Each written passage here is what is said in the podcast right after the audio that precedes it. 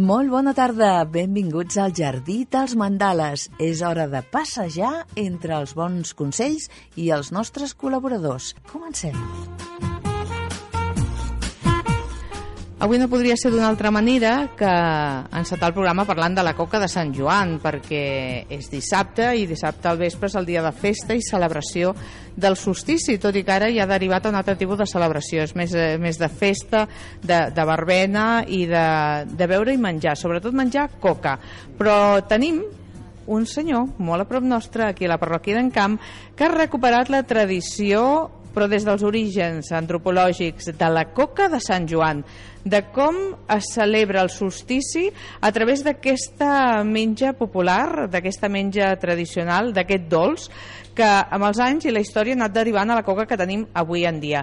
Però ell ha volgut fer alguna cosa més, ser més original i anar a buscar els ingredients eh, més, més propers als originals ingredients totalment naturals de la terra, sense confitats ni, ni preparats químics ni res, i fer la coca solar. I diem solar perquè a la ràdio no es veu la imatge, però us la podem explicar. Té la forma de, del cosmos, seria el Sol, les estrelles i a més a més una espiral que és molt significatiu també en el món esotèric, la forma de l'espiral com a centre d'univers. No? Estem amb el, amb el Pau, el, Pau, eh, és, és esplèndida aquesta coca que fas. És una, una coca que, a més a més, Pau Pascó, perdona que no t'he dit algun nom, Pau Pascó, que és el pastisser que ha investigat i ha buscat d'on venia l'origen de la coca. Mm, bona tarda i benvingut. Gràcies. Gràcies. Com se't va ocórrer buscar l'origen? Perquè tu tota la vida t'estàs eh, dedicant a la pastisseria i has fet durant anys moltíssimes coques, però com vas pensar anem a buscar l'origen de la coca de Sant Joan i anem a fer alguna cosa més arrelada a la terra? Doncs sí, de fet sempre he tingut un esprit de, de voler saber els orígens de les coses i, i buscar i intentar-me dintre de la divulgació gastronòmica, que m'agrada molt la divulgació, saber el per què, la cultura. Darrere de cada tradició, de cada plat, hi ha un costum, inclús una manera de, viure de la societat en concret i, i, i, i quasi de les seves necessitats. I en el tema de la coca, doncs, buscar els orígens, vaig llegir i contrastar en diferents document, documents de que era una festa pagana de la gent del pagès, de la gent de la terra, que com un homenatge al solstici d'estiu, al sol, feia una, una torta, una torta, no, no era un brioix com el que estem fent ara, més ric, amb ous, més amorós, amb mantega, era una massa de pa, potser més semblant a la pizza, que també per allí també hi havia alguna també hi ha algun, algun significat semblant i que incorporaven els, els, els productes naturals de la terra, les ametlles, les pomes els fruits secs i feien una gran festa d'alegria perquè era el símbol de, de la collita de començar a l'any i això eh, feia una festa al camp.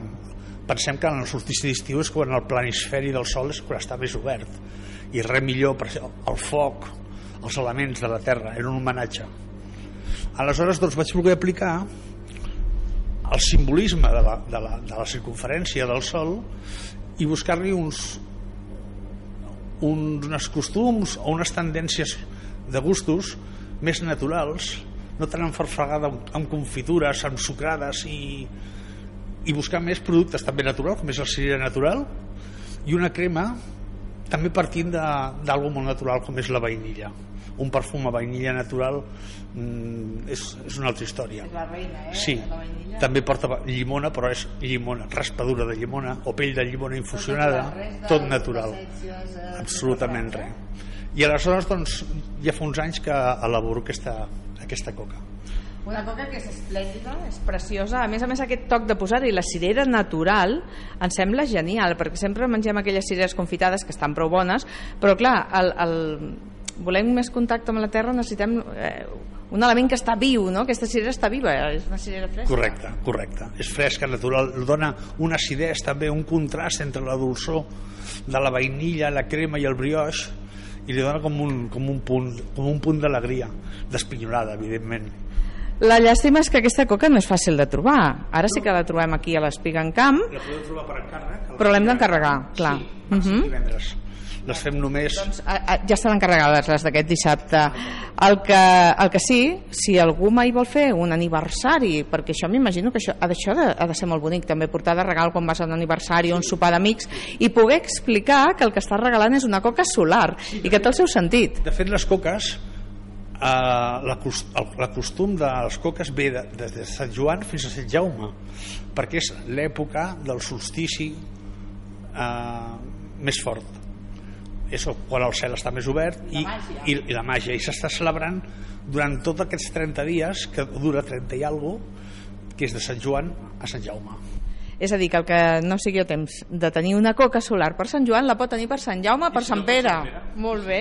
I encarregar-la. Eh, si no, doncs m'imagino que per, per aniversaris o per qualsevol celebració o per un diumenge dir, escolta, feu-me una coca solar que és espectacular, que tinc convidats a casa o, o que el vull compartir amb la meva dona o els meus fills i que està, saber que està feta a mà, que no és industrial, amb molt de carinyo, perquè tu, Pau, treballes amb molt de carinyo i que tots els ingredients són naturals, que ara la gent té molt de patir d'al·lèrgies i tot això, i que a més a més té aquest significat. És un homenatge al sol, que aquest any ens ve perfecte, perquè a més a més ha sortit el sol just pel solstici i el podem rebre amb aquesta coca solar donant-li les Molta gràcies. alegria, és una de les festes amb més alegria. Gràcies, Pau Pascó, per haver-nos explicat que tenim la coca solar eh, eh, amb tota la seva, amb tot el seu ADN eh, de, de la història i tota la seva força aquí, a la nostra parròquia. Gràcies a vosaltres. Adéu-siau. Adéu-siau. I bona rebella a tots, eh, ja ho sabeu, menjar coca de Sant Joan té un significat especial, té aquest significat de- d'homenatge al sol, que aquest any l'estàvem esperant amb moltes ganes.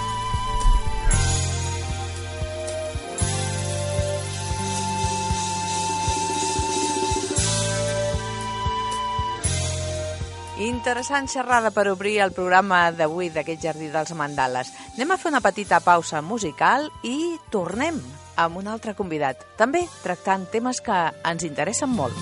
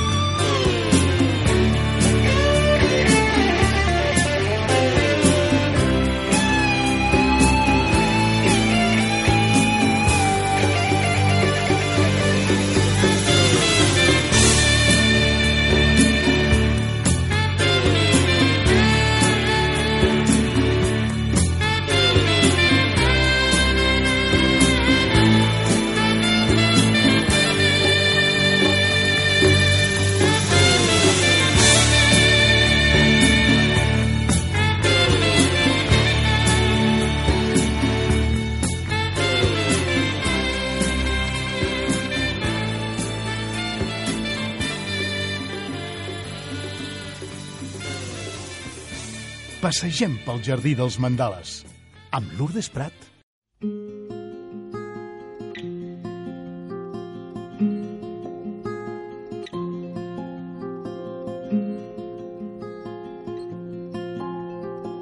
Tyst det här i nattens bo Alla sover stilla Kossorna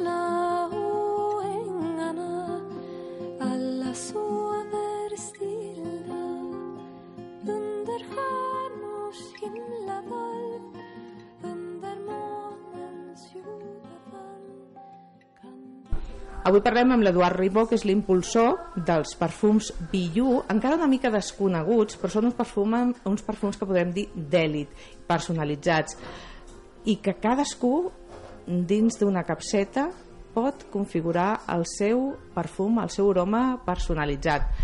Eduard, benvingut. Hola, molt bones. En què consisteix aquest Bijú, aquesta empresa que heu creat, eh, que permet que cadascú es pugui fer un perfum personalitzat? Sí, la nostra idea és fer una cosa molt diferent a lo que s'està fent en aquests, món, en aquests moments en el món de la perfumeria. I és fer que la gent, en vez de comprar un perfum per l'anunci aquell tan xulo de la tele, que surt la noia ben guapa o el noi ben atractiu, eh, vagi un pas més enllà i, i vegi realment el que li agrada.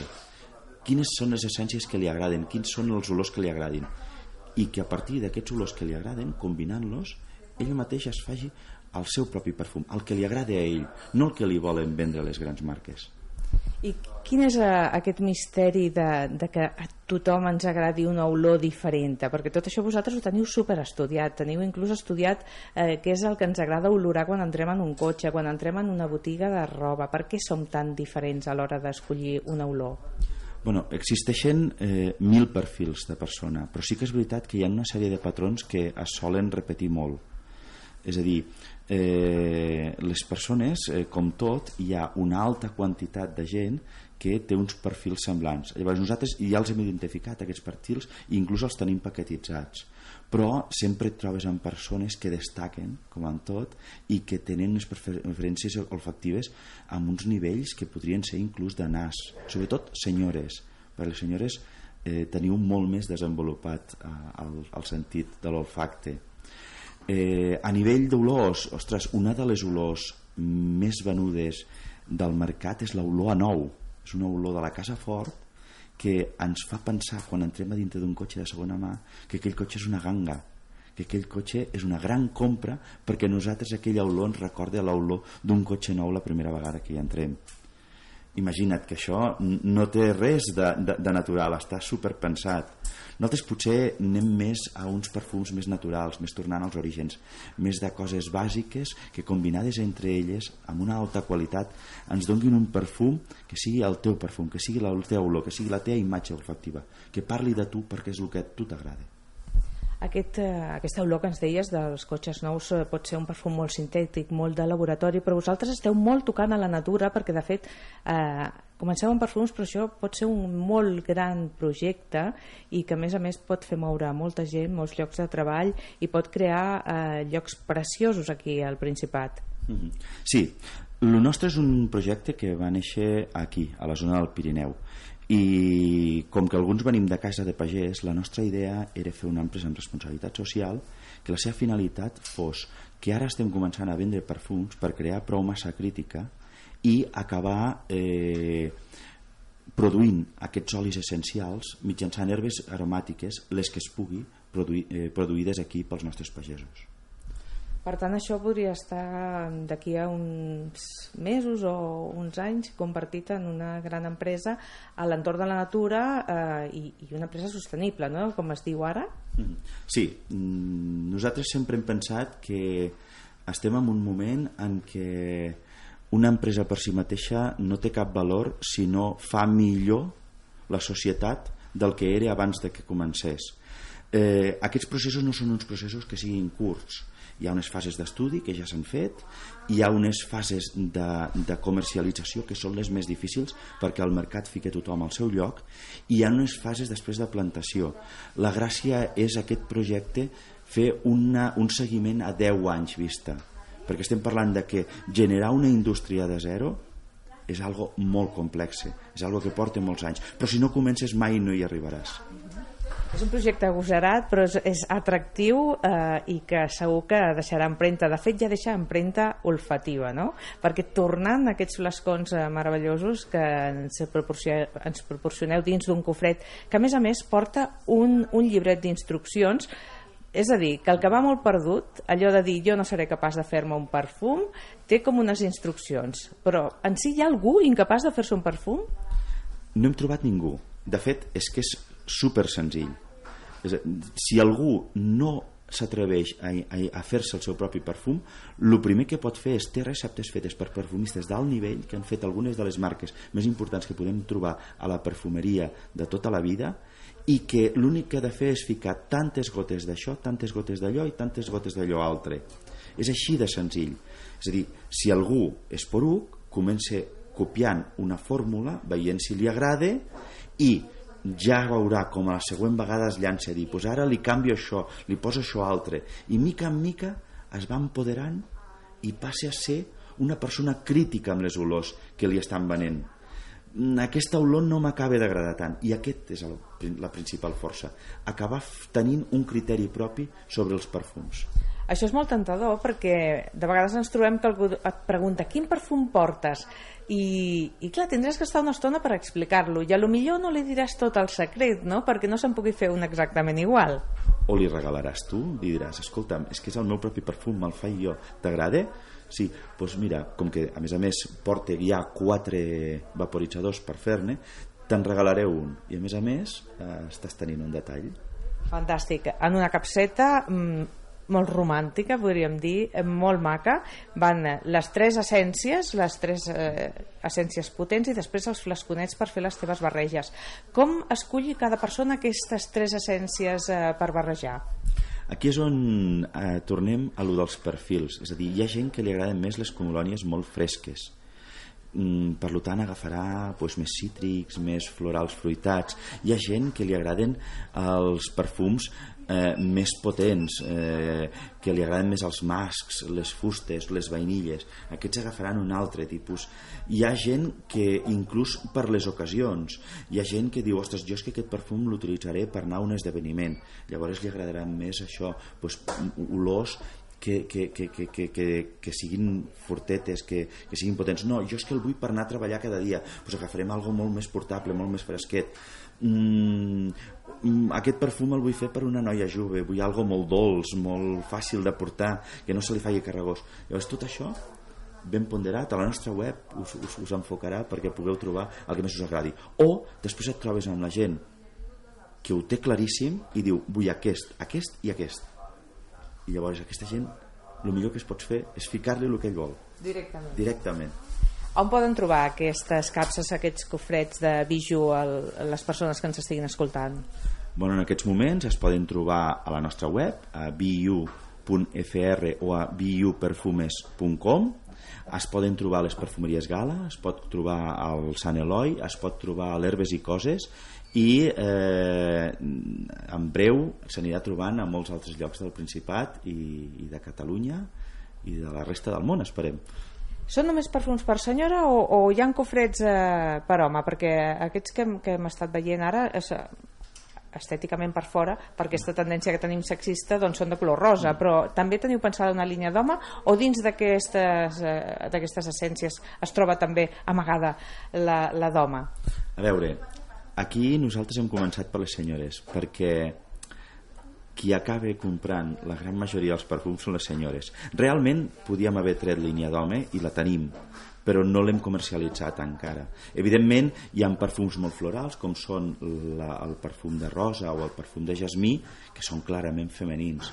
Però després hi ha perfums, com per exemple les bases cítriques o les bases fustades, que tenen un component unisex molt clar, és més, potser una base fustada és, o la base cítrica són bases que es troben molt més en perfums masculins que femenins no? aquí està la gràcia de que tothom s'ho pugui fer seu i també dintre d'un cert límit de trencar tabús, de que tothom s'hi fiqui el que realment vol que no l'encasillin Eh, hi ha perfums d'estiu i perfums d'hivern? Sí, sí, sí. Hi ha perfums fets per coses, o per moments, o per situacions, o per estats d'ànim. Eh, quan es compose algo pensant en alguna cosa, sempre eh, et sortirà molt millor. Llavors, clar, un perfum d'estiu sempre serà un perfum que tindrà una evaporació molt més, molt més prolongada, per què? Perquè suem molt i ens ha de durar més, però l'hora de ser fresc, ens ha de portar una frescor, que ens ha d'ajudar a passar aquesta calor, a l'hivern és diferent, a l'hivern l'evaporació de la pell és menys, la nostra exposició, és a dir, a la pell que nosaltres estem ensenyant és molta menys, vull dir, hi ha una sèrie de coses que no només amb les olors, sinó també amb, amb la dissipació d'aquestes olors, que nosaltres hem de tenir en compte quan fem un perfum, ja sigui d'estiu, d'hivern, per una persona per anar a, a un sopar o per anar a prendre alguna amb els amics. Ens pots dir algun lloc que li hagis posat perfum o, o que, di, que t'hagin dit fes-nos el perfum d'aquesta ciutat o d'aquesta botiga i ens ho puguis explicar? bueno, mm, dintre del nostre equip s'han fet coses inclús per marques molt importants d'automoció. S'han fet per llocs eh, per empreses eh, estem fent coses per bancs eh, acabem de fer el perfum de la Seu d'Urgell que de fet no l'hem fet nosaltres se l'han fet els botiguers de la Seu d'Urgell. Hem fet el perfum dels 25 anys d'Endoflora eh, estem treballant per marques de roba que estan utilitzant aquests perfums mm, específicament per models de dir, aquest, amb aquest vestit hi va aquest perfum fica't aquest perfum perquè està pensat per el portis amb aquest vestit i la veritat és que dintre de la imaginació de la gent de màrqueting aquestes coses eh, van creixent dia a dia Com és el perfum de la seu? Perquè ens dius que l'han fet els botiguers, han anat eh, olorant tots els flascons i escollint com l'han fet i al final el resultat a, a què fa olor?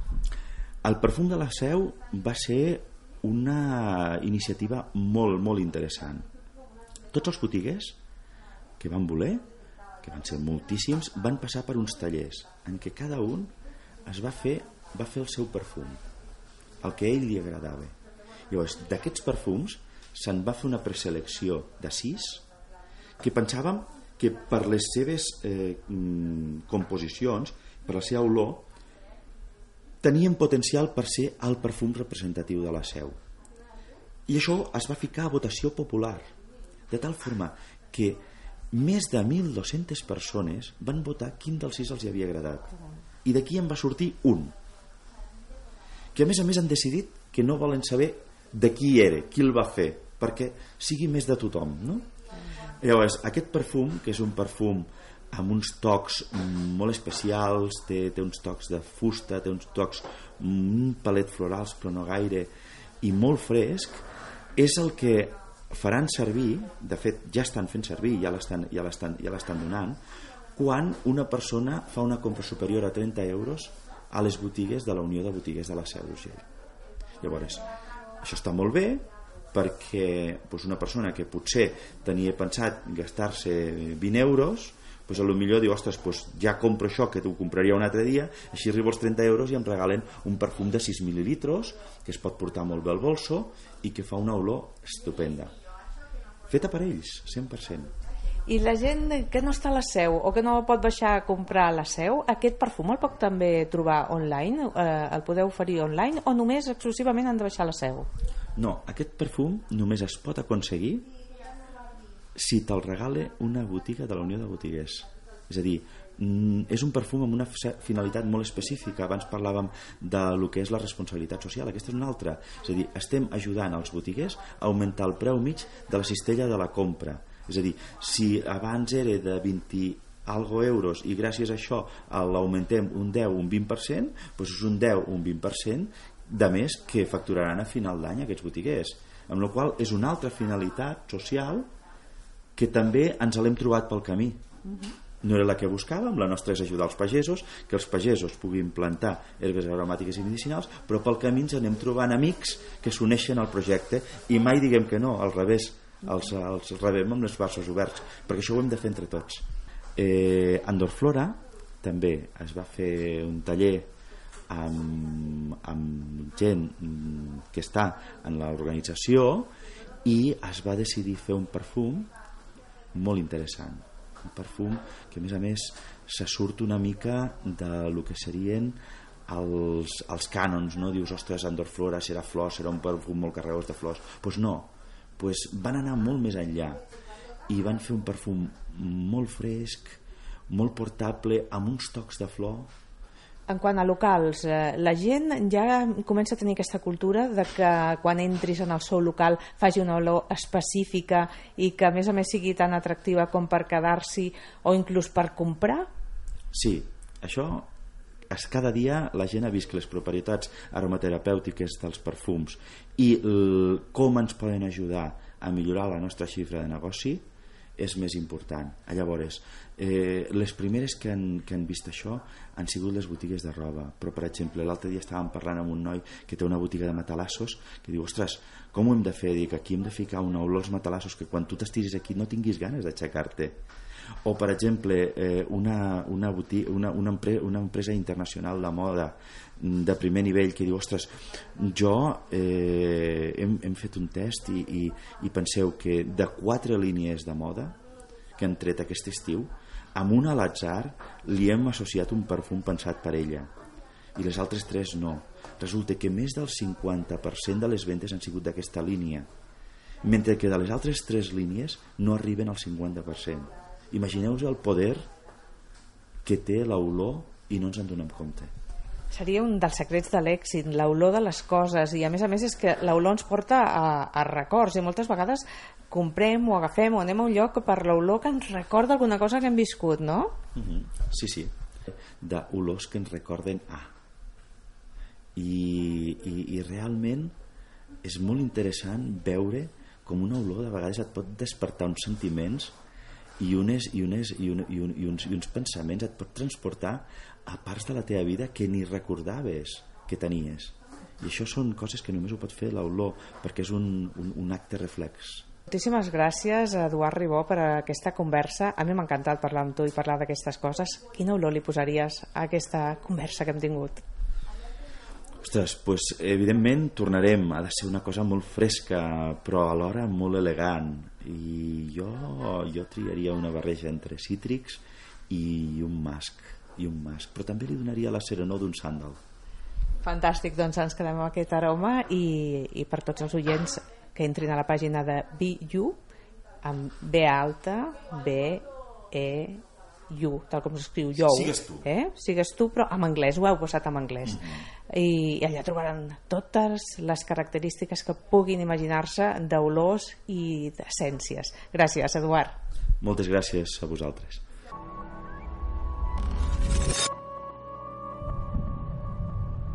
Passegem pel jardí dels mandales amb Lourdes Prat.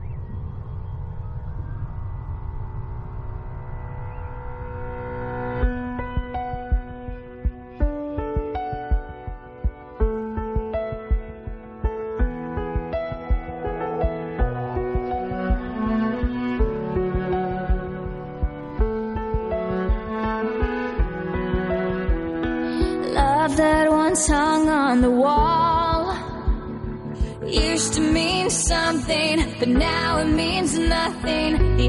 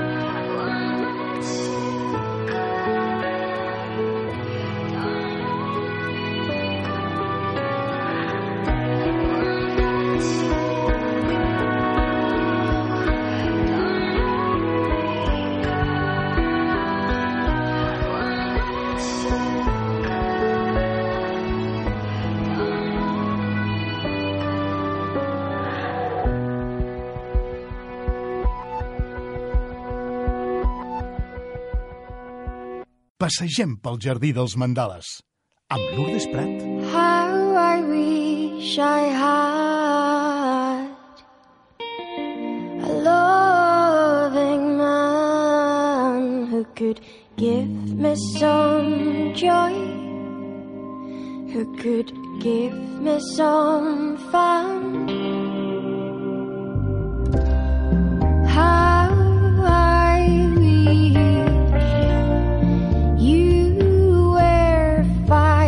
Shouldn't hurt you so much to talk to me.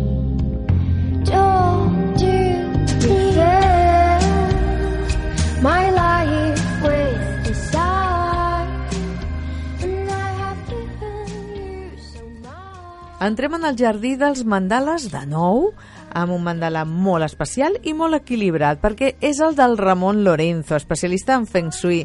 Bona tarda, benvingut. Molt bones, Lourdes. La passada setmana parlàvem de les energies de les persones, d'aquestes vuit energies que tenim des del moment en què naixem i que necessitaria passar 240 anys, si no me'n recordo malament, Sí. perquè sortís una altra criatura, un altre ésser humà, amb les mateixes energies, Amb les coincidint mateixes. amb les nostres. Per tant, és molt important i és molt personal saber aquestes energies, no? Sí, sobretot eh, ens ajuda moltíssim a com enfrontar-nos en el dia a dia, no? perquè pensa que l'energia no només té un plano, sinó que només n'hi ha, ha molts planos de l'energia. No? Entre ells la persona la pots definir com és físicament, però també la pots definir com és psíquicament, inclús com o quines eh, eh, diguem, expectatives espirituals també en té, perquè l'energia no, no només es desenvolupa a nivell eh, físic. d'acord? Molt bé. Llavors, d'aquestes vuit energies es poden estendre moltes, moltes, moltes explicacions. moltíssimes explicacions eh, sobre les energies de les persones, Mhm. però aquestes persones quan viuen en una casa, no sé si, tal com ens vas dir, la casa també té un destí, que Mhm. a mi em va sobtar molt, perquè eh, sí que parlem sempre de, del destí de les persones o dels éssers vius, però mm, que una casa que és un bé immoble que tingui un destí, doncs no sé si també, això ja poder sí que és més fàcil, té una energia concreta? Pues sí, els xinesos que van estudiar durant molts anys els assentaments que anaven fent, això estem parlant des de fa 3.000 anys, imagina't, pues se n'adonaven i, i es van donar compte de que en funció de quina època de l'any construïes, en quin lloc construïes i com distribuïes la casa i quina forma tenia, es produïa, diguem, un índex de probabilitats eh, diferent, d'acord? Llavors van, eh, sobretot, donar-se compte de que tenien molt, tenien, tenien que tindre molt en compte què és el que les envoltava, d'acord? És com aquells espais que tots hi veiem per primera vegada i diem, uau, quin lloc més xulo, no? Em sento molt bé i aquí crec que podria fer un munt de coses, no? Sense fer-li res, només l'energia, eh? Això mateix. Uh -huh. pues van intentar veure què passava amb aquesta energia quan tu la recluïes en un espai tancat. Llavors es van donar compte de que quan tu tanques un espai amb quatre parets i li poses una taulada, captes aquella energia i aquella energia queda batejada per sempre allà. D'acord? És com un bateig energètic, igual que el que tenim nosaltres al néixer, doncs una casa és el mateix, té un bateig energètic. Llavors, eh, ells, eh, una casa també té certes energies que són pròpies, que són seves. I després li van visitant, durant els anys, eh, altres energies que interactuen amb aquelles que són a dins. Per és això... a dir, l'essència sí que hi és, no? El que passa Sí. que es va modificant a mida de, de... Clar, perquè a més la casa, si dura, la casa està 300 anys en peu i van Clar. passant famílies i, i persones, doncs es moren, venen unes altres, canvia Mhm. tot, no? Sí, és a dir, tenim una base energètica eh, que és la que ha captat en aquell moment, que això, diguem, eh, ens posa un comportament, per així dir-ho, una casa t'ho poso molt fàcil. Una casa que, per exemple, capti molta energia de foc, pues serà una casa en la que la gent, quan entri a viure, pues es notarà molt activa, tendrà pues, a rebre molta gent, serà un lloc on la gent estigui molt eixerida i vulgui passar-ho bé, no? Però què és el que ocorreix? Que aquesta energia no és sempre igual. Eh? Els anys van venint i van portant eh, altres energies, igual que els mesos, etc etc. Llavors el que es fa és senzillament veure com influeix cadascuna de les energies que va arribant en la que ja està allà dintre. I si a més a més estirem una mica més encara del fill, què és el que fa aquella energia amb la nostra? Que curiós. Això és molt interessant. Sí, però això hi ha gent... Però això porta feina, Ramon, Sí, perquè clar, feina, tens sí. que, que anar mirant moltes coses, no? Sí, tinc que anar fent primer la carta de la persona, saber quines energies la composen amb aquella persona, també veure quin ha sigut el seu decalatge vital i en quin moment concret està ara, i llavors mirar també en quin moment concret està la casa on viu. Eh? Llavors veiem la interacció entre aquelles energies i li traiem un patró de comportament a la persona que normalment sempre es queden una mica bocabadats perquè els hi parles, bueno, mira, jo crec que amb aquesta casa et passa tal cosa. I diuen, sí, com, i com ho saps, això? Bueno, doncs és molt senzill, és mirar de veure que si tu ets una persona de fusta i vius en una casa que és de foc, doncs evidentment aquella casa te va esgotant T'està cremant. s'està cremant a poc a poc i encara que t'hi dona molt rendiment perquè notaràs que ets molt activa ja, Mhm. clar, estàs encenent aquella, fa, aquella casa, doncs lògicament t'acaba esgotant. Llavors la gent amb petites paraules molt concretes, parlar dels elements de la natura, ja es van posant en, en tessitura i se n'adonen de que el que és realment algo invisible i algo raro i algo estrany té una explicació bastant lògica. Caram, això és Mm. molt interessant i molt curiós. És a dir, que, que podem... podem eh, ens queda com enganxada aquella energia que, que, que no sabem què passa i Sí. ens trobem en un estat d'ànim diferent, Diferent. al que és eh, l'habitual o el que teníem abans d'entrar en aquell lloc, no? Sí, és com quan diuen jo vaig a casa meva perquè sé que recupero forces. Uh -huh. No? Pues això ho podem explicar des del món de l'energia. Eh? Tu ets una persona, per exemple, de foc i vius en una casa de fusta. pues perfecte. La fusta el que fa és nutrir-te, llavors allà et trobes molt Mhm. còmode. I també intentem donar explicacions de per què hi ha persones que entren en segons quin cicle vital en funció dels canvis que van fent. Mhm. Els canvis d'habitatge, parlo, perquè saps una cosa, Lourdes, que la gent normalment hi traiem el mateix tipus de casa. Ah, sí? Sí, encara que ens anem Sempre, a... encara que ens canviem de casa? Sí, fins que La no. distribució, l'energia? Justament, Que justament. curiós. Sí, és curiosíssim, és una de les coses que més sorprèn a la gent, Mhm. De com encara que canvien, jo què sé, per un pis més gran, o a lo millor s'han anat a viure a un pis més petit, o a lo millor s'han anat a viure amb un duples. Hi ha certes eh, similituds energètiques amb el pis d'on vens, sempre i quan no haguis fet un pas decisió a la teva vida o haguis solucionat algun problema o haguis eh, pres una, un, una ruptura en certes coses. Mhm. Les cases, en- curiosament, ens ajuden a fer passos en la nostra vida. Mira que maco, això. Sí, Eh? sí, sí. O sigui, Cada casa ens té alguna que ensenyar. fins i tot, eh, quan sortim de casa dels pares, busquem, Mhm. sense donar-nos compte... Clar, perquè la gent va mirar pisos, pisos, pisos, i hi ha pisos per tots els gustos, perquè, clar, Sí. hi ha qui entra i en seguida diu aquest, i hi ha qui entra i en seguida diu aquest no. Claro. És a dir, busquem el que ja teníem, no? Sí, busquem un, se- sempre intentem buscar algo que ens vingui a completar. Llavors, perquè algo ens completi, normalment sempre ens aportarà alguna de les mancances que tenim. Perquè l'única man- l'única manera de completar-nos a la vida és anar en plena allò que tenim buit. Llavors, si tenim una mancança, per exemple, en les relacions personals o les relacions de parella, és molt probable que trobem una casa que ens posi certs impediments en, en aquestes relacions. I ara diràs, i com ens ajuda això? pues ens ajuda perquè ens fa prendre consciència de lo que, de, del problema que tens. Mm -hmm. Llavors la casa t'invita a que tu prenguis consciència del problema que tens i intentis superar-ho. Si no ho superes o no t'enfrontes, o pel motiu que sigui, no li pots dedicar l'atenció que li pertoca, el que fas és probablement anar repetint cases que tinguin el mateix, El mateix problema. el mateix I problema. com, ho- i, Entre cometes, el problema. Eh? Clar, però ah, llavors una persona normal no ho nota. Ha de ser que, que hi hagi algú com tu que li doni aquestes pautes, és que estàs sempre envoltant-te de la mateixa energia.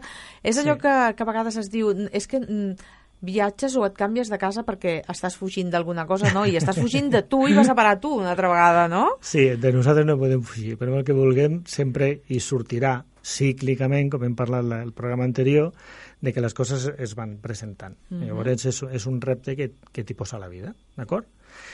Què fem amb aquest repte? Pues una vegada tu ho acceptes i ho intentes solucionar, ahir és on t'ajuda el Feng Shui, perquè jo t'hi proposaré fer-ne coses amb aquella casa energèticament perquè tu prenguis consciència d'aquell problema. Però clar, uh -huh.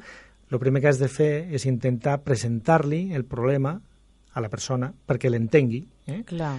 Del problema sempre no, ho, hem, ho hem de posar entre cometes perquè realment hi ha vegades que són eh, senzillament coses que deixem de banda a la vida. Eh? Uh -huh. Tothom no, no ens podem encarregar de tot, eh? llavors sí, sempre hi repetim certes mancances. Uh -huh. eh? Això que m'has dit m'ha fet tanta gràcia que ara, clar, ara jo no li puc donar, no puc parar de donar-li voltes al cap.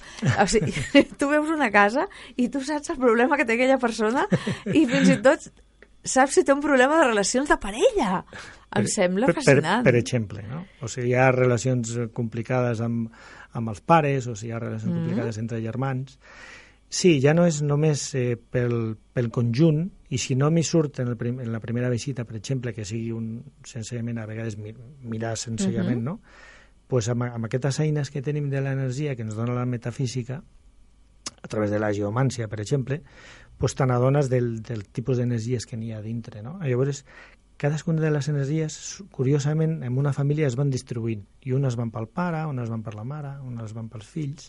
Llavors, aquestes energies que representen a cadascun dels integrants de la família no es porten bé o estan acompanyades d'altres que les molesten una mica, són aquells jocs on al millor, per exemple, el pare està encantat però la mare no. Mm. Llavors ens dius, ostres, què ha passat aquí? Bueno, pues senzillament que l'energia del pare està una mica molestada per les altres energies que n'hi ha per allà dintre. Llavors això com ho arreglem? Pues, posant-li colors, posant-li forma, si cal la fonteta d'aigua que hem parlat alguna vegada. Clar, és, que, és que a vegades fora de micro fem bromes eh, amb el Ramon i, i, i clar, moltes vegades diem això, doncs, escolta, a vegades ens pensem que el Feng Shui és vinga a posar fonts d'aigua per tot arreu, eh? No, amb les fonts d'aigua hem, de, hem de tenir molt de cura, eh? perquè no a tot arreu van bé, per així Ah. dir-ho. Eh? Si, per exemple, necessitem foc i en el lloc on hi ha més foc de la casa li posem una font d'aigua, pues, no l'estem ajudant massa, per així dir-ho. No podem jugar amb aquestes perquè l'estem apagant. Mm. Bueno, no és tan perillós Clar. tampoc, però sí que produeix efectes Però a vegades. notar, eh? Sí, sí, sí, es Mm. noten, perquè les cases, curiosament, canvien la vibració. És una de les coses que té de fascinants el Feng Shui, que sempre eh, no t'ho saben explicar, ben diuen, mira, eh, estic millor, me'n trobo molt més bé, no em discuteixo tant, sembla que encarem els problemes d'una altra manera i sembla que bueno, pues, tenim una millor qualitat de vida, que en el fons és el que tots busquem. Doncs eh, avui hem parlat de l'energia de les cases, que cada casa en el moment en què està eh, ja tancada de parets i se li posa el barret, com si diguéssim, Mhm. amb el sostre, queda allà dins encapsulada i que les persones li van canviant una miqueta però sempre manté l'essència i que quan nosaltres busquem un pis o ens canviem de casa i, i seguim repetint les mateixes pautes en la vida, anem agafant pisos que són extraordi- extraordinaris, que ens semblen fabulosos i diferents i resulta que tenen la mateixa energia. Això és molt curiós. Estem aprenent moltíssimes coses amb el Ramon Lorenzo aquí amb, eh, en el Jardí dels Mandales i la propera setmana doncs, seguirem parlant de moltes coses, no, Ramon? Perfecte, aquí serem. Moltes gràcies. Adéu-siau.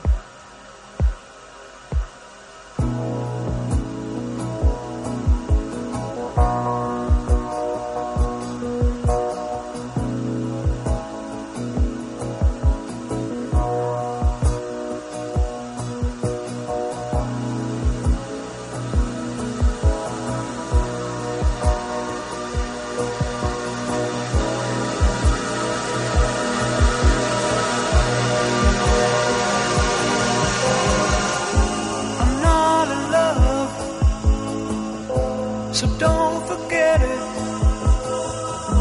It's just a silly phase I'm going through.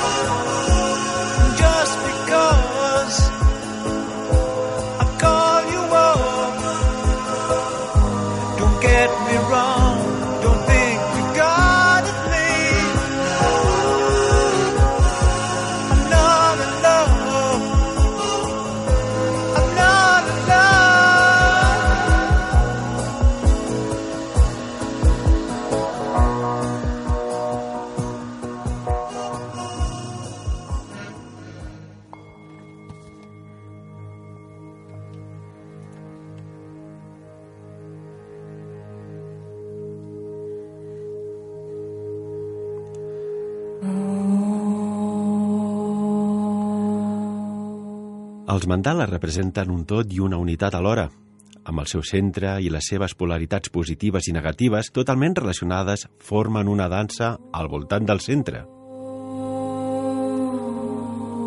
Podem arribar a la reflexió que el món i moltes de les figures que composen la vida són circulars o esfèriques.